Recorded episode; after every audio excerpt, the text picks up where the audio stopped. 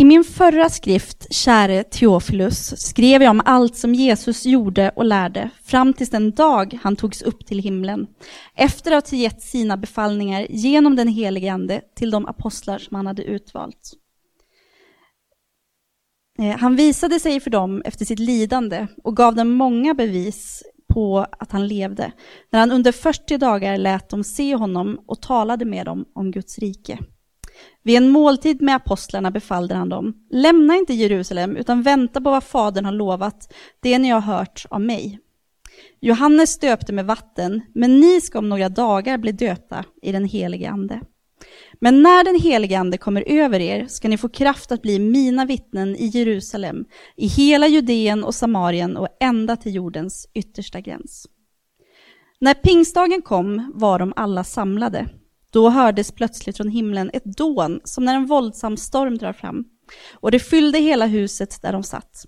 Tungor som av eld visade sig för dem och fördelade sig och satte sig på var och en av dem. Alla uppfylldes av den helige ande och började tala främmande språk, allt eftersom anden ingav dem att tala. I Jerusalem bodde fromma judiska män från alla folk under himlen. När dånet hördes samlades folkskaran och alla var skakade eftersom var och en hörde sitt eget språk talas. Häpna och förundrade frågade de, är de inte galileer, alla de som talar? Hur kan då var och en av oss höra sitt eget modersmål? De som tog emot hans ord döptes och antalet lärjungar ökade den dagen med omkring 3000. De höll troget fast vid apostlarnas undervisning och vid gemenskapen, brödsbrytelsen och bönerna. Varje själ greps av bävan och många under och tecken gjordes genom apostlarna. Alla de troende var tillsammans och hade allt gemensamt. De började sälja sina egendomar och ägodelar och delade ut till alla efter vars och ens behov. Varje dag var de troget och enigt tillsammans i templet, och i hemmen bröt de bröd och delade måltid med varandra i jublande innerlig glädje. De prisade Gud och var omtyckta av hela folket, och Herren ökade vardagsskaran med de som blev frälsta. Tack så mycket Emma. Visst är det grymma verser? Man, en del av mig vill bara strunta i predikan nu och bara låta Emma fortsätta läsa. Eh, den här boken är ju otroligt spännande och ganska utmanande också. Ehm, men på samma gång så kanske man känner att ja, men det här är ju extremt välbekanta verser. För en del av er så är det verser ni har hört väldigt många gånger. Det är händelser som inte bara inspirerat tusentals predikningar och böcker, utan även hela samfund eh, som, som bygger på något sätt på, på det här som hände. Och eh, man brukar prata om det här eh, som kyrkans födsel och, och så vidare. Och kommer du från en pingstkarismatisk tradition till exempel, så, så har du säkert hört en och annan predikan om kyrkans födsel och pingstdagen och andedopet och kanske till och med paralleller med Azusa Street-väckelsen för runt hundra år sedan där liknande saker hände och så. Eh, och eh, nu, nu kommer en predikan till då, utifrån det här. Men eh, förhoppningsvis också um, med lite andra perspektiv. Och, och tar jag inte de grejer som du tänker är självklara för det här stycket, eller som bara måste sägas, så får du förlåta mig och eh, leta upp en annan predikan på nätet sen när du kommer hem. Men, eh, men jag tänkte försöka angripa det från lite andra håll. Um, jag hoppas det är okej. Okay. Um, så här, utmaningen för mig när jag hör det här. Det är tungor av eld, det är en väldigt ovanlig och unik händelse. Ehm, visst, vi kan vilja se det oftare, eh, men, men det händer ju egentligen bara en gång i skriften just på det här sättet. Och eh, det kan vara lite svårt med det här med främmande språk och tungor av eld, att liksom lyfta in det eh, på här, resan till jobbet på tunnelbanan måndag morgon. Eller hur tar man tungor av eld och de här främmande språken och lyfter in det liksom på en föreläsning på universitetet på tisdag eftermiddag? Eller hur lyfter man in det här med tungor av eld på föräldramötet en torsdag kväll, en vanlig vecka? Det, det är lite svårt ibland att så connect the dots där, kan jag känna i alla fall. Ni kanske har stenkoll på det, men på något sätt så blir liksom det här stycket blir väldigt passande på ett bönemöte. Eh, det blir väldigt passande på en väckelsekonferens. Det blir väldigt passande på en helg om den helige Ande. Men det är liksom lite svårare att hitta beröringspunkterna under en veckohandling eller ett blöjbyte. Och det ska vi försöka göra något åt idag. Eh, det är tanken. Så, eh, men först en liten inledning. Då. Vad, vad, kan vi lära oss eller få med oss från de här människorna och, och vilka är det? För det är inte bara vilka random människor som helst. Det är många nya som läggs till, men det börjar med en skara som varit med ett tag. De har följt Jesus under längre tid. De har varit med och gjort uppoffringar. Och som vi har sett vecka efter vecka under den här serien så ser man uppoffring, uppvaknande. Uppoffring, uppvaknande, uppoffring, uppvaknande. Så ofta så, eh, så ser man omvändelse innan man ser väckelse. Man ser någon form av ja, men sacrifice, man, man får ge upp någonting innan man, man ser någonting hända. Och de här har gett upp väldigt mycket. De har lämnat sina jobb och sina familjer för att följa den här rabbin, följa Jesus. De uh, har gjorts narr av säkert. Det är säkert folk som har frågat mig, hur gör du med pensionen? Och hur gör du med liksom, husförsäkringen? Hur gör du med liksom, barnens utbildning längre fram i livet? Vad gör du? Du kastar bort ditt liv. Men de har gjort uppoffringar för att följa Jesus. Och en del av dem de har följt, och sen har de fallit, och så har de följt igen, och så har de fallit igen. Petrus han har följt, och så har han förnekat, och så har han följt igen. Men han har landat ändå i, när Jesus frågar, vem säger du att jag är? Han har fått en uppenbarelse, ett uppvaknande, och han säger, du är Messias, den levande Gudens son.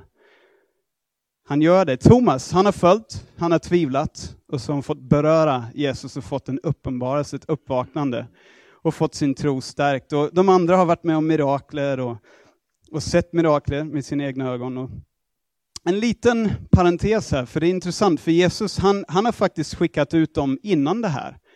Så här så säger han, stick inte ut och gör någonting, utan vänta på den helige Ande först. Sen kan ni gå ut med min kraft och bli mina vittnen. Men tidigare så skickade han ut de 12, han skickade ut de 72, han skickade ut de 2-2, utan att de har fått det här andedopet på pingstdagen.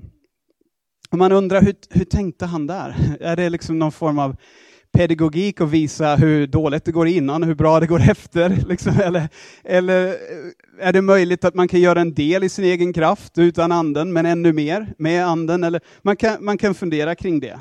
Men det vi ser i alla fall är att ibland så behöver vi bara kliva ut och agera och räkna med att han kommer.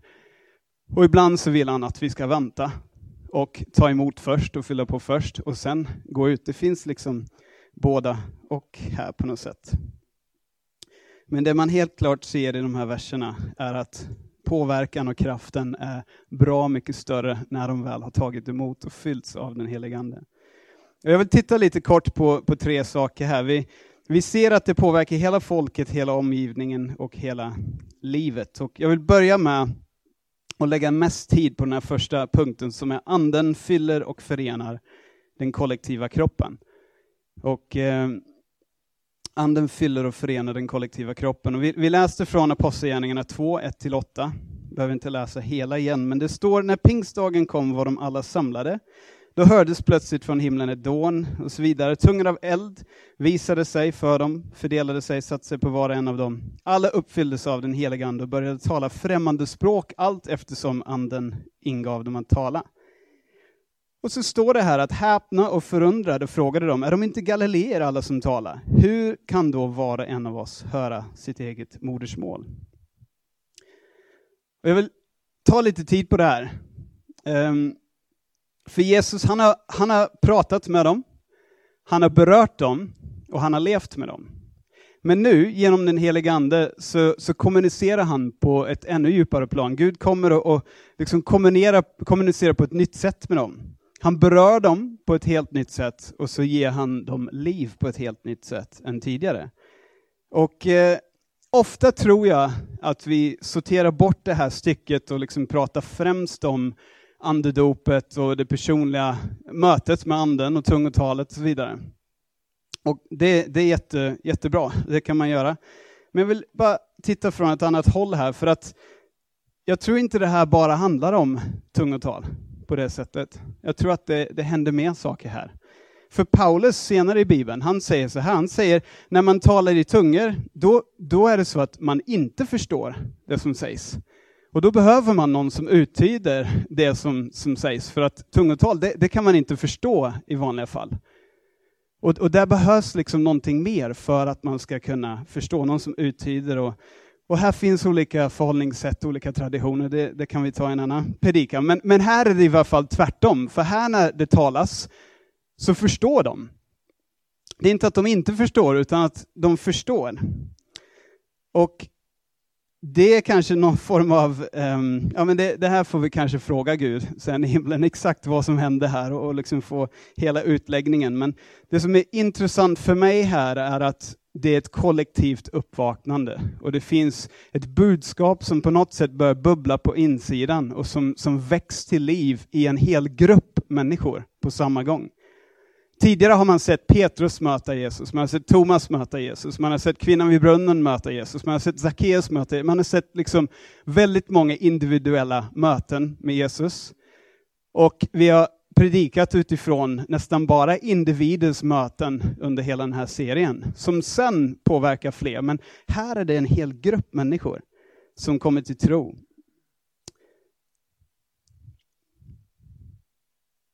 Lamin Sanne, som var muslim, växte upp i en annan del av världen och konverterade och blev kristen. Han eh, har gjort mycket analyser på det här med liksom kristendomen i olika delar av världen. Och eh, han säger att the original language of Christianity is translation. The original language of Christianity is translation. Och poängen är på något sätt att det går inte riktigt att beskriva med ord de saker som har med Gud att göra alla gånger. Det finns ett översättningsarbete inblandat på något sätt så fort Gud är liksom med i bilden. Inkarnationen är ett slags översättningsarbete av det himmelska in i det jordiska, där Jesus kommer att tala på ett språk som vi förstår. Men det himmelska kan inte riktigt rymmas i en kultur, eller ett språk, eller en folkgrupp, utan det behövs mer för att börja liksom måla med fler färger och en bredare palett, det som Gud är och alla de himmelska sakerna. Och Tim Keller han, han säger så här, han säger evangeliet är ett universellt budskap för alla människor. Och när han sammanfattar den här händelsen så säger han så här, tre punkter från Keller om just den här händelsen. Han säger evangeliet drar ner murar mellan kulturer. Han säger att varje kultur blir förändrad genom evangeliet. Och så säger han att i evangeliet är ingen kultur viktigare än en annan. Och jag tror att vi ibland kan glömma det här idag. När vi pratar om att bygga Guds församling eller bygga kyrka i västvärlden, vad tittar vi? Jo, vi tittar i västvärlden. Vi tittar i vår del av världen, vi tittar nästan bara kanske på USA och UK och, och de länderna och det som Gud gör där. Men Lamin och Keller och fler menar på att Guds folk är större än så. Och risken är att tittar vi bara på västvärlden så plockar vi bara med de saker som är viktiga för västvärlden när vi ska prata om hur man ska bygga församling. Och varför pratar jag om det här? Jo, det här är ju kyrkans födsel. Här säger Gud, nu vill jag använda er för att bygga min församling. Och han använder alla möjliga olika människor i det här. Tittar man på västvärlden, vad är vi präglade av? Vi är präglade bland annat av kunskap och utbildning. Vi älskar det, det är väldigt viktigt för oss.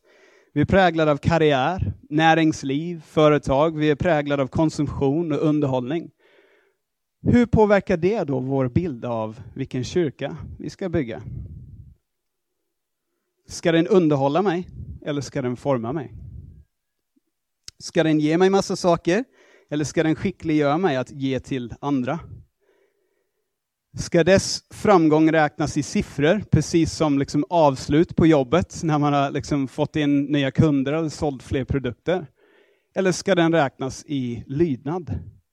Det är det man ser i Apostlagärningarna. Framgången räknades i lydnad och antal människor, inte bara det ena eller andra.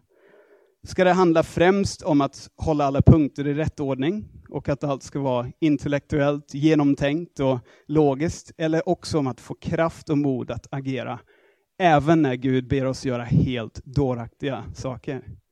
Det är värt att tänka på, för vi är väldigt präglade av vår kultur.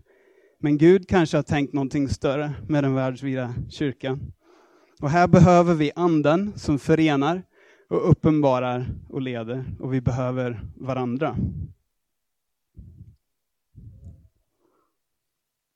Efter mycket tjat så gav jag efter häromkvällen och eh, sa till Sara, okej okay då, vi, vi kan kolla på den här dokumentären istället för att kolla på Brooklyn 99 och sitta och skratta. Och eh, då kollade vi på The Swedish Theory of Love.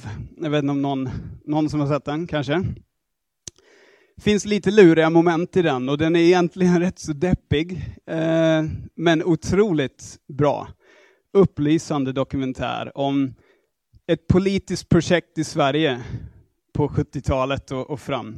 Att göra svensken till en helt självgående och självständig individ som är helt oberoende av andra människor. Både makar, föräldrar, barn, vänner och så vidare. Alla ska kunna klara sig själva. Det var tanken. Och så utvärderar man lite grann, har vi lyckats och hur ser det ut? Och man kommer fram till att Sverige har absolut flest ensamma hushåll i hela världen. Man kommer fram till att eh, det är den mest individualistiska kulturen i hela världen. Man kommer fram till att det är flest människor i Sverige, i hela världen, som dör utan att en enda människa märker det. Man visar ett fall där någon har dött för två år sedan i sin lägenhet och ingen vet om det. Och man hävdar till och med att var fjärde person dör utan att någon ens märker det. Så det här projektet har i alla fall lyckats till en viss grad, om man nu tycker att det är framgång eller lyckat. De har, de har i alla fall lyckats genomföra det här. Eh, och jag tror så här, jag tror det påverkar, det påverkar oss, vår syn på kroppen, vår syn på kyrkan och vår syn på andlighet. För vår kultur, det lärjungatränar oss varje dag. Och i den här dokumentären så intervjuar man en, en äldre doktor. Superskön snubbe, han är svensk eller europeisk i alla fall, bott i Sverige i 30 år. Han är gift med en eh, kvinna från Etiopien och efter typ 30 år i så här, doktorstjänst här i Sverige så flyttar han till eh, Etiopien. Och man ser hur han använder liksom ekrar från cyklar för att sätta ihop folks ben och hur han använder liksom olika snören i plast som man brukar använda till plastpåsar för att hålla ihop olika kroppsdelar. Och man ser hur han tar ut ett spjut som har liksom åkt rakt igenom en kille med väldigt, väldigt enkla verktyg, liksom en vanlig metallsåg. Och, och det, det, det är ganska intressant att se.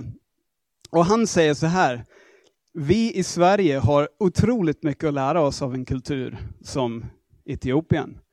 Men vi är för stolta och för självupptagna. Vi har så hög levnadsstandard så att vi tror att vi redan är framme. Och kanske det är så att vi är nästan för smarta och för upplysta, om man får ens våga säga så i Stockholm 2016. Varför pratar jag om det? Vad har det här med de här verserna göra? Jo, jag tror vi ser väldigt tydligt här att anden, Gud och anden inte bara är intresserade av de som kunde mest, eller de som var rikast. Inte bara de som pratade grekiska, eller hebreiska, eller arameiska. Inte bara de som var greker eller judar. Inte bara de som var högutbildade, eller rika eller fattiga. Utan han var intresserad av alla, hela folket. Och vi ser att det fanns på något sätt ingen kultur eller språk som kunde liksom klara av egentligen att förklara allt som Gud höll på att göra. Utan han behövde hela folket. Det var en tvärkulturell företeelse. Eugene Peterson, han är en väldigt lärd och intellektuell man som har översatt hela Bibeln, skrivit 30 plus böcker och kan grekiska och hebreiska. Men han säger också att språket tar slut på något sätt om man bara utgår ifrån fakta och punkter.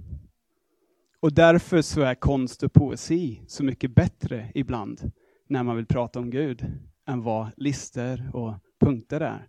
Ibland går det inte med liksom vår sorterade logiska ramverk. Och det här tror jag är någonting som vi kan ta med oss i det vi håller på att göra när vi bygger kyrka och när vi vill uttrycka det som Gud vill uttrycka i vår tid och vår kultur. Gud älskar dig som individ, men han vill ha dig i en kropp. Han vill ha dig i en kontext och han vill ha dig i community. Och ibland när vi tänker på att Jesus sa att vi ska göra större saker än honom, så tror jag att vi bara tänker på liksom, vi ska mätta 10 000 istället för 5 000, eller vi ska uppväcka folk två, tre, fyra gånger istället för bara en gång. Vi ska liksom, ah, göra större mirakler. Men kanske en del av det miraklet är att han var själv och kunde vara på en plats åt gången. Men vi är många, vi är en hel kropp som kan röra oss på många platser på samma gång, över hela jorden. Det är kanske en del av det han menade.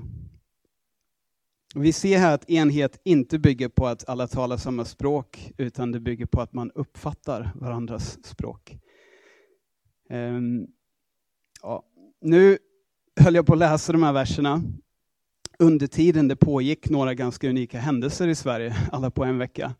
Jag kunde inte låta bli att liksom dra parallellen. Och jag vill inte göra våld på den här texten och hävda nu att läkaren Lukas satt där för 1950 år sedan och så tänkte han på det som skulle hända i Lund och Malmö och Friends Arena och Bjärka Säby och de här olika platserna den här veckan. Och så, jag ska skriva ner och så kommer de fatta 6 november i Stockholm att det här handlar egentligen bara om liksom den senaste veckan i Sverige. Men det finns lite paralleller ändå som jag kunde inte låta bli att tänka på. För det samlas tusentals människor från Skandinavien, Europa, världen och eh, ses på Friends Arena, framförallt från den pingstkarismatiska delen av kyrkan. Men ganska många olika grenar och traditioner och inte minst olika språk. Och jag hamnade där av, några, av en händelse, några timmar, och jag upplevde, trots att jag har mina funderingar och tankar, så upplevde jag Guds närvaro, upplevde Guds ande och att han verkade bland människor. Samtidigt nere i Malmö och Lund så möttes lutheraner och katoliker och tillsammans eh, med trossyskon från andra håll och nyfikna sekulära svenskar så tackar man Gud för det som reformationen har inneburit för kristenheten under 500 år. Man firar det. Och jag tror det är sjukt lätt att vara cynisk och skeptisk och tänka på alla möjliga baktankar och ja, men det här är ju bara ett strategiskt spel och liksom de har fel där och de har fel där. Men samtidigt som jag upplevde Guds närvaro på Friends Arena så upplevde jag Guds närvaro när jag satt framför tvn och tittade på det som pågick i södra Sverige. Och så här vill jag säga, min lilla sammanfattning, att man behöver inte gilla allt. Man behöver inte tycka om allt, man behöver inte hålla med om allt, man behöver inte ta till sig allt, men man kan låta sig berikas. Och man kan ödmjukt acceptera att kanske Gud är, är lite större och anden lite starkare än vad vi är. Och när Gud vill bygga sin kyrka, kanske han vill göra det genom alla möjliga olika uttryckssätt och språk och kulturer, för att visa hur stor och rik och varierad han är. Människor som får behålla sina olika ja, sina olikheter och sina språk, men som lyckas lyssna på och förstå varandra och enas kring ett uppdrag.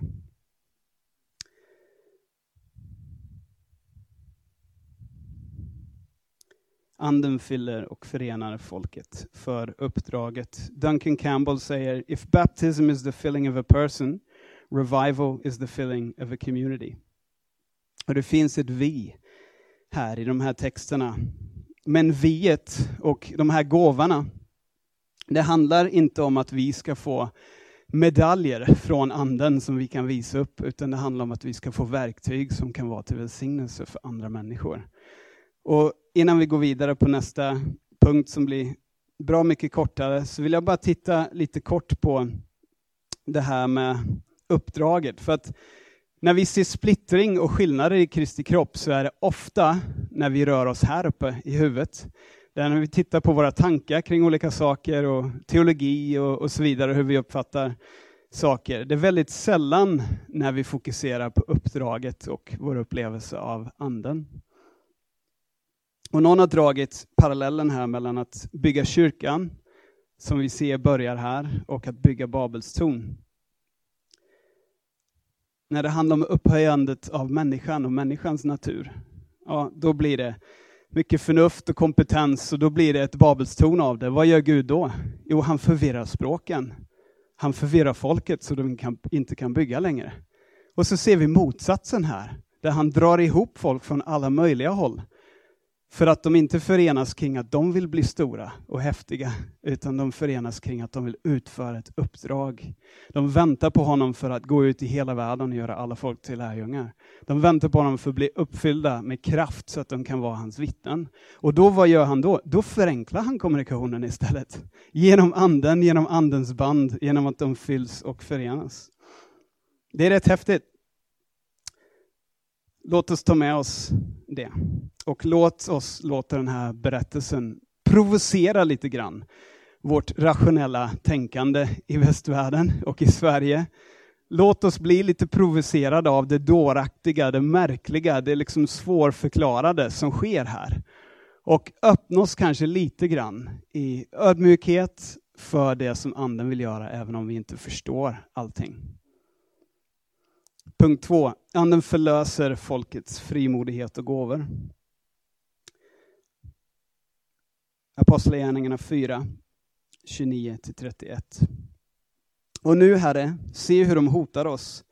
Hjälp dina tjänare att frimodigt förkunna ditt ord genom att du räcker ut din hand och låter helande tecken och under ske genom din heliga tjänare Jesu namn.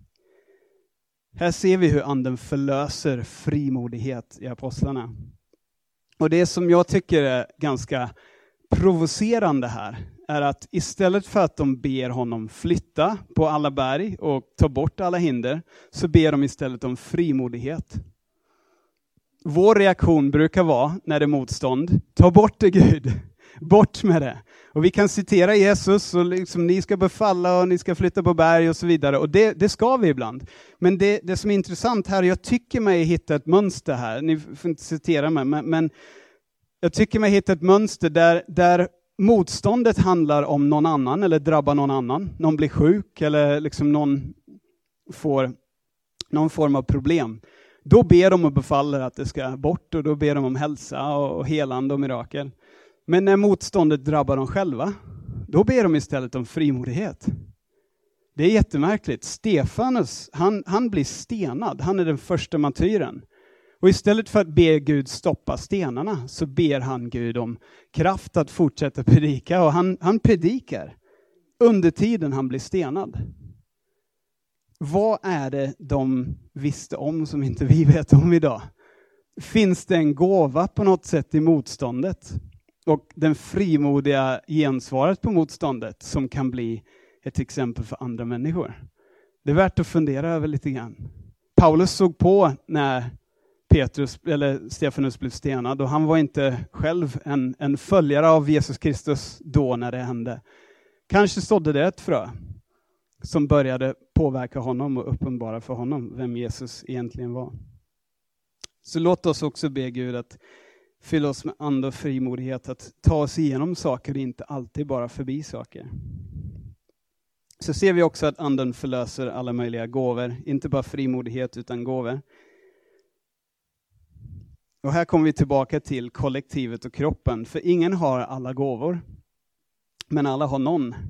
Och en del är mer uppenbart övernaturliga än andra. Vi läser ett par verser här. Apostlagärningarna 5, 12-15. Genom apostlarnas händer skedde många tecken och under bland folket, och de var alla tillsammans i Salomos pelarhall. Och ännu fler kom till tro på Herren, stora skaror av både män och kvinnor. Man bar till och med ut de sjuka på gatorna och lade dem på bäddar och bårar, för att åtminstone Petrus skugga skulle falla på någon när han gick förbi. Det är ju det är rätt grymt när det räcker med en skugga, eller hur? Men sen så ser man i Apostlagärningarna 4 och 34, ingen av dem led någon brist, för alla som hade mark eller hus sålde sådant som de ägde och bar fram betalningen för det som sålts och la ner det vid apostlarnas fötter, och man delar ut åt var och en efter hans behov. Även Josef, en levit född på Cypern som apostlarna kallade Barnabas, hade en åker. Han sålde den, bar fram pengarna och la dem vid apostlarnas fötter. Vi har en bit kvar här. Vi, vi brukar prata om tionde kanske, eller en, en liten gåva. Och här säljer de liksom allt de äger för att ge till de fattiga. Men det är inte bara överlåtelsen som är inspirerande, utan det är variationen här. För en del, de har gåvan att hela med sin skugga. Men någon annan har gåvan att gå ut och sälja sitt hus på Hemnet, sälja lite prylar på Blocket och, och ge bort pengarna. Någon har liksom gåvan att predika i kraft även när de blir stenad. Men någon annan, de, de har kraft och frimodighet att dela ut kläder och mat till en behövande på Plattan eller på tunnelbanan. Det är väldigt högt och lågt. Det övernaturliga och det naturliga verkar gå hand i hand och flätas samman här. Och hela kroppens gåvor förlöses genom den helige Ande. Och det sista är att anden förändrar hela livet och omgivningen. Inte bara en viss del. Och igen, jag tror risken med den här typet, typen av stycke är att man liksom sorterar bort det i, ja men det där kan vi ta på ett bönemöte eller liksom en konferens om så här, andedopet eller någonting sånt. Eller det där sorterar vi bort Det, liksom, det hände en gång då men, men det där är inte relevant för mig idag. Men det vi ser är att det föder en, en kropp och en kyrka där hela omgivningen blir påverkad och där hela livet blir påverkad av det här. Det är inte bara liksom det som är uppenbart andligt borta i ett hörn, utan det genomsyrar hela deras liv. Vi kan läsa från Bibel 2000 den här gången, samma stycke. De som tog till sig hans ord lät döpa sig. Och den dagen ökade de troendes antal med inemot 3000. Och de deltog troget i apostlarnas undervisning och den inbördes hjälpen, i brödbrytandet och bönerna. Alla människor bävade, många under och tecken gjordes genom apostlarna. De troende fortsatte att samlas och hade allting gemensamt. De sålde allt vad de ägde och hade och delade ut åt alla, efter vars och ens behov.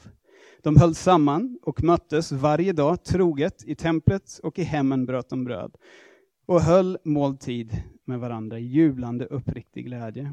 De prisade Gud och var omtyckta av hela folket och Herren lät var dag nya människor bli frälsta och förena sig med dem hela livet. Människor vänder om, människor får höra evangeliet, de får höra om nåden genom Jesus Kristus, att även om vi inte kan uppnå det vi vill göra själva, så kan vi ta emot det som gåva. Människor blir helade, även om de inte kan hela sig själva, så kan de ta emot det som gåva. Men människor säljer också allt de äger, de ger tak över huvudet till människor som behöver det, de ger liksom gemenskap till den som är ensam. Väldigt praktiska, jordnära, vardagliga saker också, och det gick hand i hand. Det är inte bara i templet, inte bara på connecten hemma. Det är inte bara på söndagar, eller lördagar eller tisdagar, utan varje dag. Det är på Plattan, det är på tunnelbanan, det är vid Medis, det är på Coop, det är på gatan, det är i hemmet.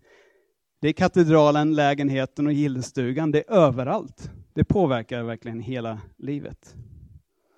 Och Guds ord hade framgång och antalet lärjungar i Jerusalem växte kraftigt.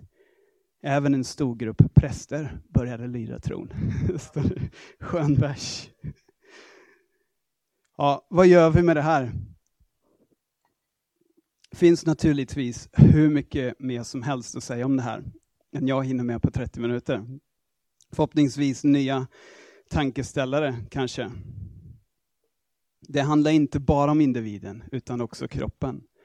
Det handlar inte bara om det uppenbart andliga, utan även det praktiska.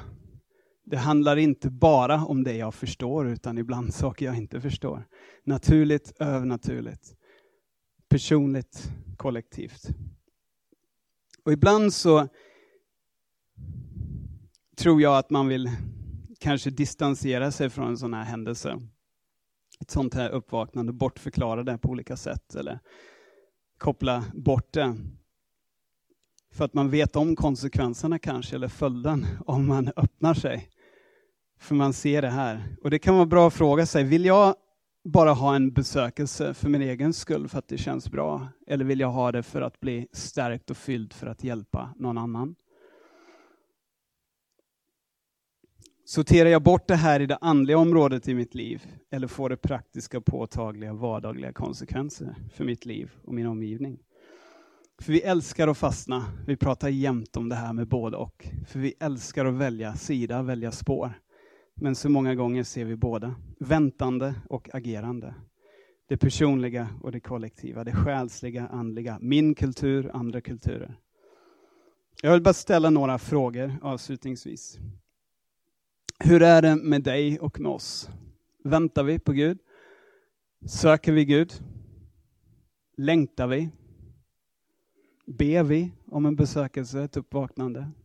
Ber vi om Andens kraft och agerar vi på det Gud säger? Eller är vi bara allmänt likgiltiga? Det är en bra fråga. Och hur ser det här ut för oss idag? I texten ser vi redistribution av ägodelar och pengar och mat. Hur ser det ut i ditt liv lokalt idag? Men hur ser det också ut globalt i en global village som vi lever i idag? Finns det saker som du kan handla på Hemköp som påverkar hur någon annan får det mer eller mindre?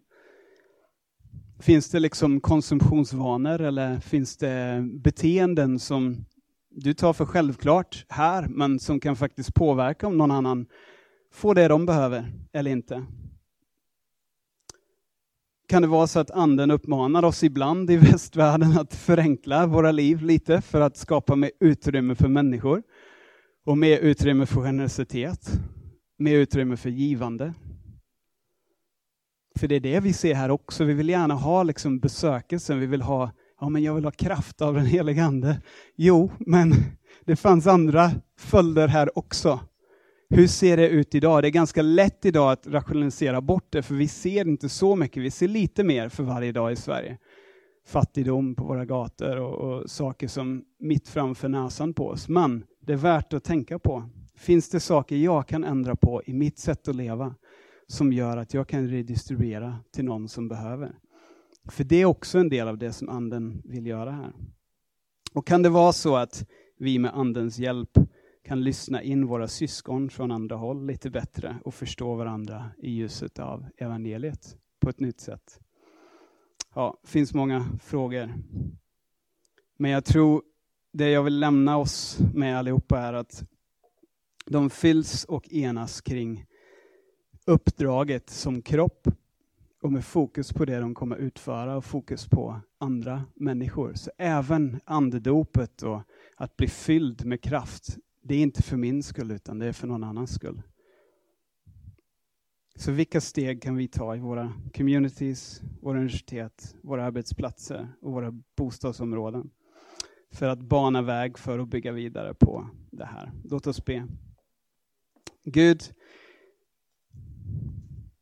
vi har bara berört en liten, liten, liten del av det som vi ser i de här texterna och i, i boken runt omkring dem. Men Gud, vi längtar efter ett uppvaknande i vår tid. Vi längtar efter att bli fyllda med heligande för att förkunna de goda nyheterna om nåden i Jesus Kristus. Att vi inte behöver nå upp till Gud själva, utan att vi har blivit förlåtna och kan ta emot frälsning som gåva. Gud, vi vill förkunna det. Även när det är motstånd, även när det kostar, även när vi inte förstår allt det du säger. Och Gud, vi ber att du väcker oss till liv, både på det andliga planet och det praktiska planet, Gud. Låt det här får konsekvenser både, både för vår liksom andliga och interna och själsliga liv, men också för det vi gör med våra händer och våra praktiska liv, Gud. Och Gud, vi ber att du fortsätter bygga på din församling. Gud, fortsätt bygga på det du påbörjade den dagen och låt oss fullfölja vår del i det. I Jesu namn. Amen.